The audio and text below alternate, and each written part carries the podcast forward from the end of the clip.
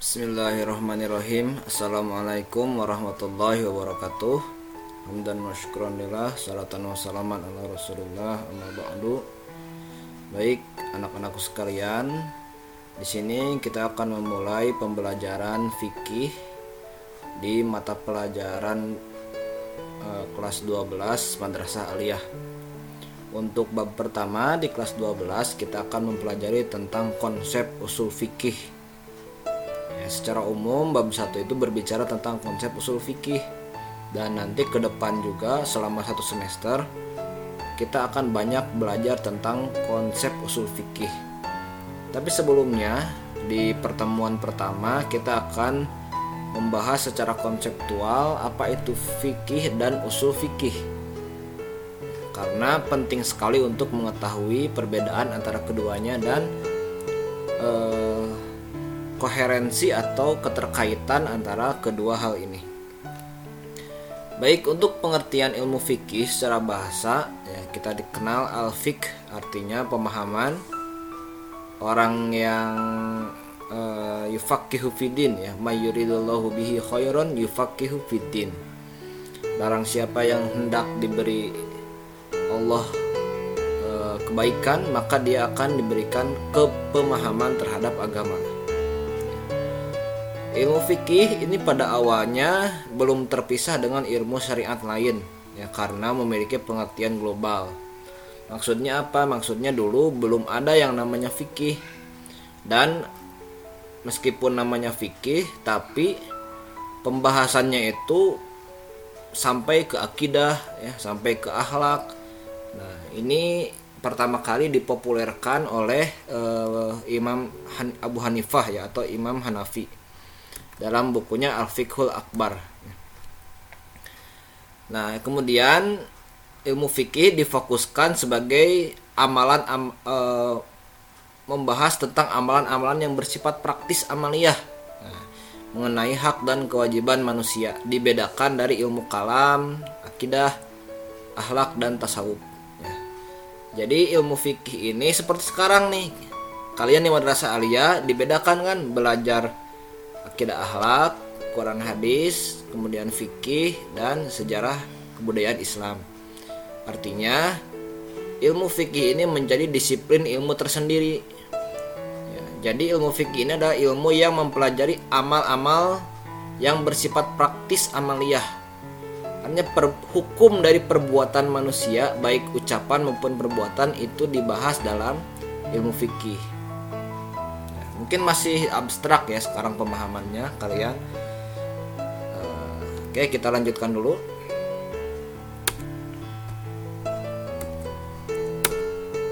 Ya secara istilah Imam Syafi'i memberi definisi fikih ilmu fikih sebagai al ilmu bil ahkami syar'iyyati al amaliyatil muktasabi min adillatiha at-tafsiliyah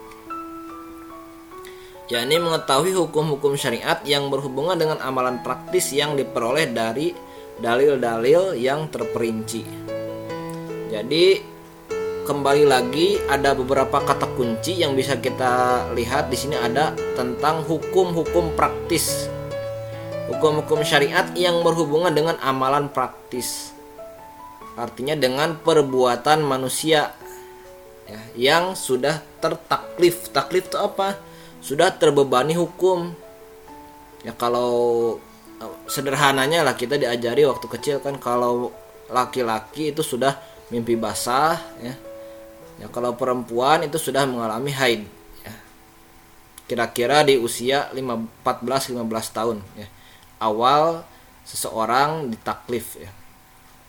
Sudah wajib sholat wajib. Nah itu dibahas perbuatan sholat, hukum sholat, hukum puasa, itu kan perbuatan manusia ya. Itu hukum-hukum tentang perbuatan manusia itu dibahas oleh ilmu fikih.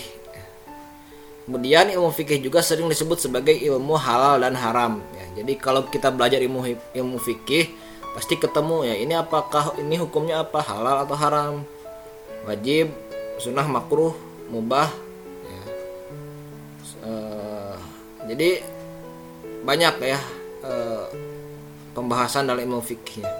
Fikih juga disebut sebagai himpunan hukum syariat ya, hukum syariat itu syariat ya sama. tentang perbuatan manusia yang diambil dari dalil-dalil yang terperinci. jadi perbuatan manusia ya di hukumnya itu diambil dari dalil-dalil yang terperinci. Contoh kita wajib sholat dalilnya apa wa akimus sholat. Kita wajib puasa Ramadan dalilnya apa? Ya ayyuhalladzina amanu kutiba alaikumus ya, kita wajib zakat ya.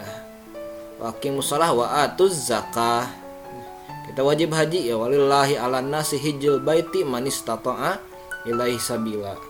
Nah, itu ada dalil-dalil yang terperinci tentang perilaku manusia Nah, jadi hukum tentang perilaku manusia melalui dalil-dalil yang terperinci itu disebut sebagai ilmu fikih. Nah, sampai sini Bapak harap eh, sudah terbayang lah apa yang dimaksud ilmu fikih. Ada beberapa kata kunci yang bisa kita ambil. Yaitu adalah tentang amalan-amalan praktis, hukum-hukum syariat tentang amalan praktis yang diperoleh dari dalil-dalil yang terperinci. Nah, objek tentang pembahasan fikih ini bisa kita bahas yaitu tentang e, perbuatan mukalaf tadi. Contoh ya, contoh tadi sudah bahas, sudah Bapak singgung sebagian. Objek kajian fikih itu di antaranya ada ibadah ya tentang sholat, puasa, zakat dan juga muamalah. Muamalah itu adalah e, horizontal ya. Jadi muamalah manusia dengan manusia ya jadi uh, seperti tentang jual beli ya awalus sih itu tentang hukum keluarga ya nanti tentang nikah cerai ya, waris jinayah itu tentang hukum pidana ya. itu dibahas oleh ilmu fikih karena tadi fikih itu membahas tentang perilaku manusia ya perilaku manusia hukum tentang perilaku manusia oke lanjut kita tentang pengertian usul fikih usul fikih ini dibagi dari di terdiri dari dua kata ya usul dan al fikhu ya fikih usul sendiri itu merupakan bentuk jamak dari al aslu yang berarti dasar atau landasan ya sedangkan fikih ya sudah dijelaskan dalam pembahasan sebelumnya yaitu ilmu tentang hukum-hukum syariat yang berkaitan dengan amalan praktis manusia yang diperoleh dari dalil-dalil yang terperinci. Lalu apa sih bedanya sama dengan fikih ya? Nah, bedanya ilmu usul fikih ini adalah ilmu yang membicarakan tentang ketentuan dan kaidah-kaidah yang dapat digunakan dalam menggali dan merumuskan syariat Islam dari sumbernya. Nah, jadi kalau tadi itu fikih itu membahas tentang perilaku manusia, kalau usul fikih itu membahas tentang dalil-dalil jadi objeknya itu bukan melihat manusianya, tapi melihat dalilnya. Contoh dalil itu apa? Eh, sumber hukum, contoh dalam sumber hukum ada dalam Al-Qur'an, dalam hadis, ya yang di objek kajiannya itu ada itu Al-Qur'an dan hadisnya. Karena Allah itu tidak langsung secara praktis tutorial ya memberikan kita eh, petunjuk bahwa hukum ini halal, hukum ini haram. Kadang tidak seperti itu, tapi kita harus menggalinya sendiri dari Al-Qur'an dan hadis. Cara penggalian dari Al-Qur'an dan hadis itu dipelajari dalam ilmu usul fikih. Maka nanti ketika belajar ilmu usul fikih dalam kelas uh, ya bisa Bapak bagi ya. Jadi kalau kalian kelas 10, kelas 11 itu belajarnya ilmu fikih ya dari awal kelas 11 kan kalian belajar tentang uh, apa namanya uh, tentang pemeliharaan jenazah ya zakat kemudian riba jual beli ya kepemilikan harta. Itu fikih semua. Kelas 11 nya kalian belajar tentang uh, jinayah ya bagaimana hukum uh, potong tangan hukum kisos kemudian bugot kemudian uh, pernikahan, perceraian, waris ya. Itu semuanya hukum fikih ya. Tapi kalau kelas 12 ini kalian nggak belajar tentang itu, belajarnya nanti tentang bagaimana cara menggali hukum dalam Al-Quran dan hadis. Ya. Pak, gimana dong e, caranya. Nah, nanti kita akan belajar secara perlahan. Nanti bab 2 kita belajar tentang sumber hukum, bab 3 kita tentang e, madhab, ya.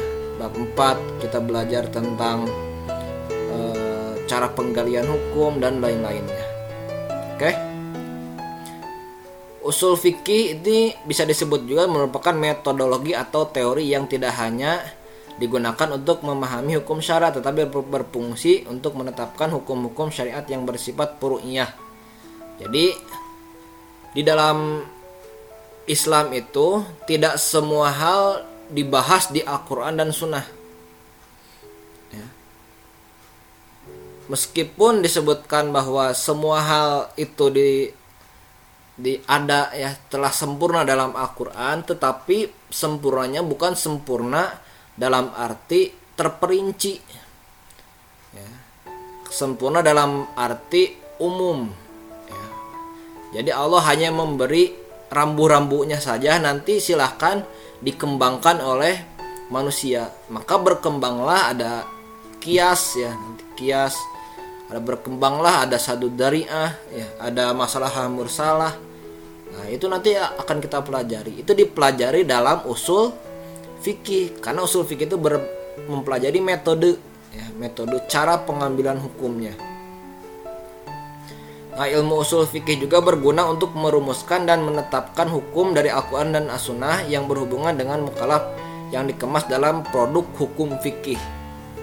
Nah, jadi produk dari usul fikih itu nanti hukum fikih-fikih juga. Nah, nanti kita akan bahas keterkaitannya. Jadi pada intinya kalian harus mulai bisa membayangkan perbedaan fikih dan usul fikih. Jadi fikih itu hukum-hukum yang berkaitan dengan perbuatan manusia.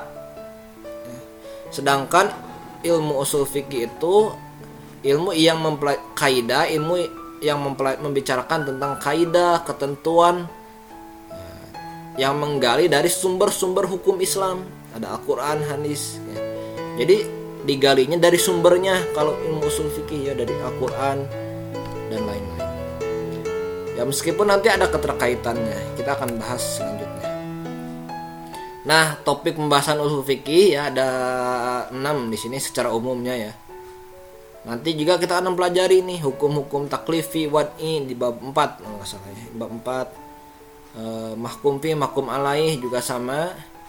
Kemudian Eh, nanti ini di bab di semester genap ya tentang istidhal ya. Dohir nas takwil amhos ya. Kemudian ijtihad dan itibar nanti kita uh, bahas di bab 3 uh, adilati uh, adilah asyariyah ini nanti di bab 2 nah kita akan mempelajari juga hal penting yaitu keterkaitan antara fikih dan usul fikih. Jadi kalau bisa kita analogikan ya ini analoginya dari bukunya langsung ya. Jadi eh, akar dalam pohon itu merupakan sumber-sumber hukum Islam ya Al-Quran, hadis, sunnah, kemudian ilmu-ilmu alat ya ilmu nahwu sorob. Nanti eh, kemudian batangnya itu disebut sebagai usul fikih yang menopang nanti berbuahnya ya.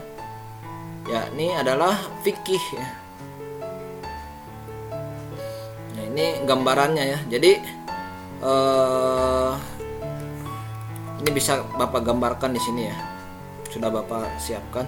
Jadi kita punya dalil ya sebagai bahan baku ya bahan baku yang belum diproses eh, yang diturunkan oleh oleh Allah Subhanahu Wa Taala kemudian diproses ya, oleh ilmu usul fikih ya. Mohon maaf ya ini kebalik. Diproses oleh ilmu usul fikih kemudian menghasilkan hukum-hukum fikih nah, jadi Al-Quran, hadis, ijma, kias ini diproses oleh dalil-dalil, kaidah, dan metode pengambilan hukum. Nah nanti kelas 12 ini kita akan belajar di sini bagaimana cara menentukan apakah dalil ini umum atau khusus apakah dalil ini berbentuk perintah atau larangan umum atau mutlak. Jadi tujuannya untuk menerapkan kaidah dan pembahasan pada dalil-dalil untuk diambil hukum syariatnya.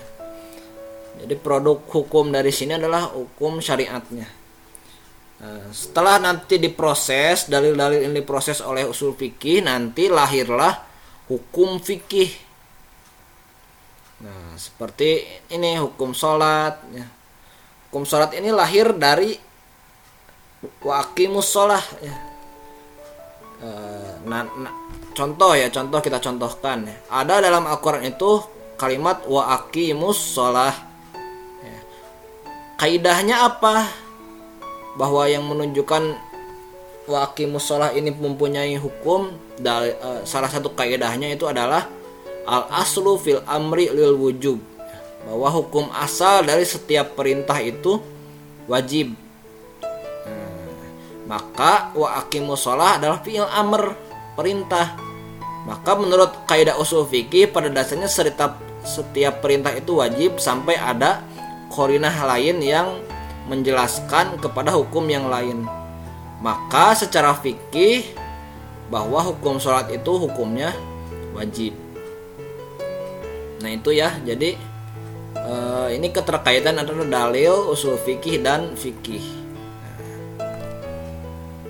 Nah itu saja dulu mungkin ya untuk pertemuan kita pertama kali ini. Intinya kalian harus bisa memberi, memberikan perbedaan antara usul fikih dan fikih dan keterkaitan antara ketiganya. Ya, keterkaitan antara ketiganya. Karena nanti pembahasan kelas 12 ini muter-muter di sini aja.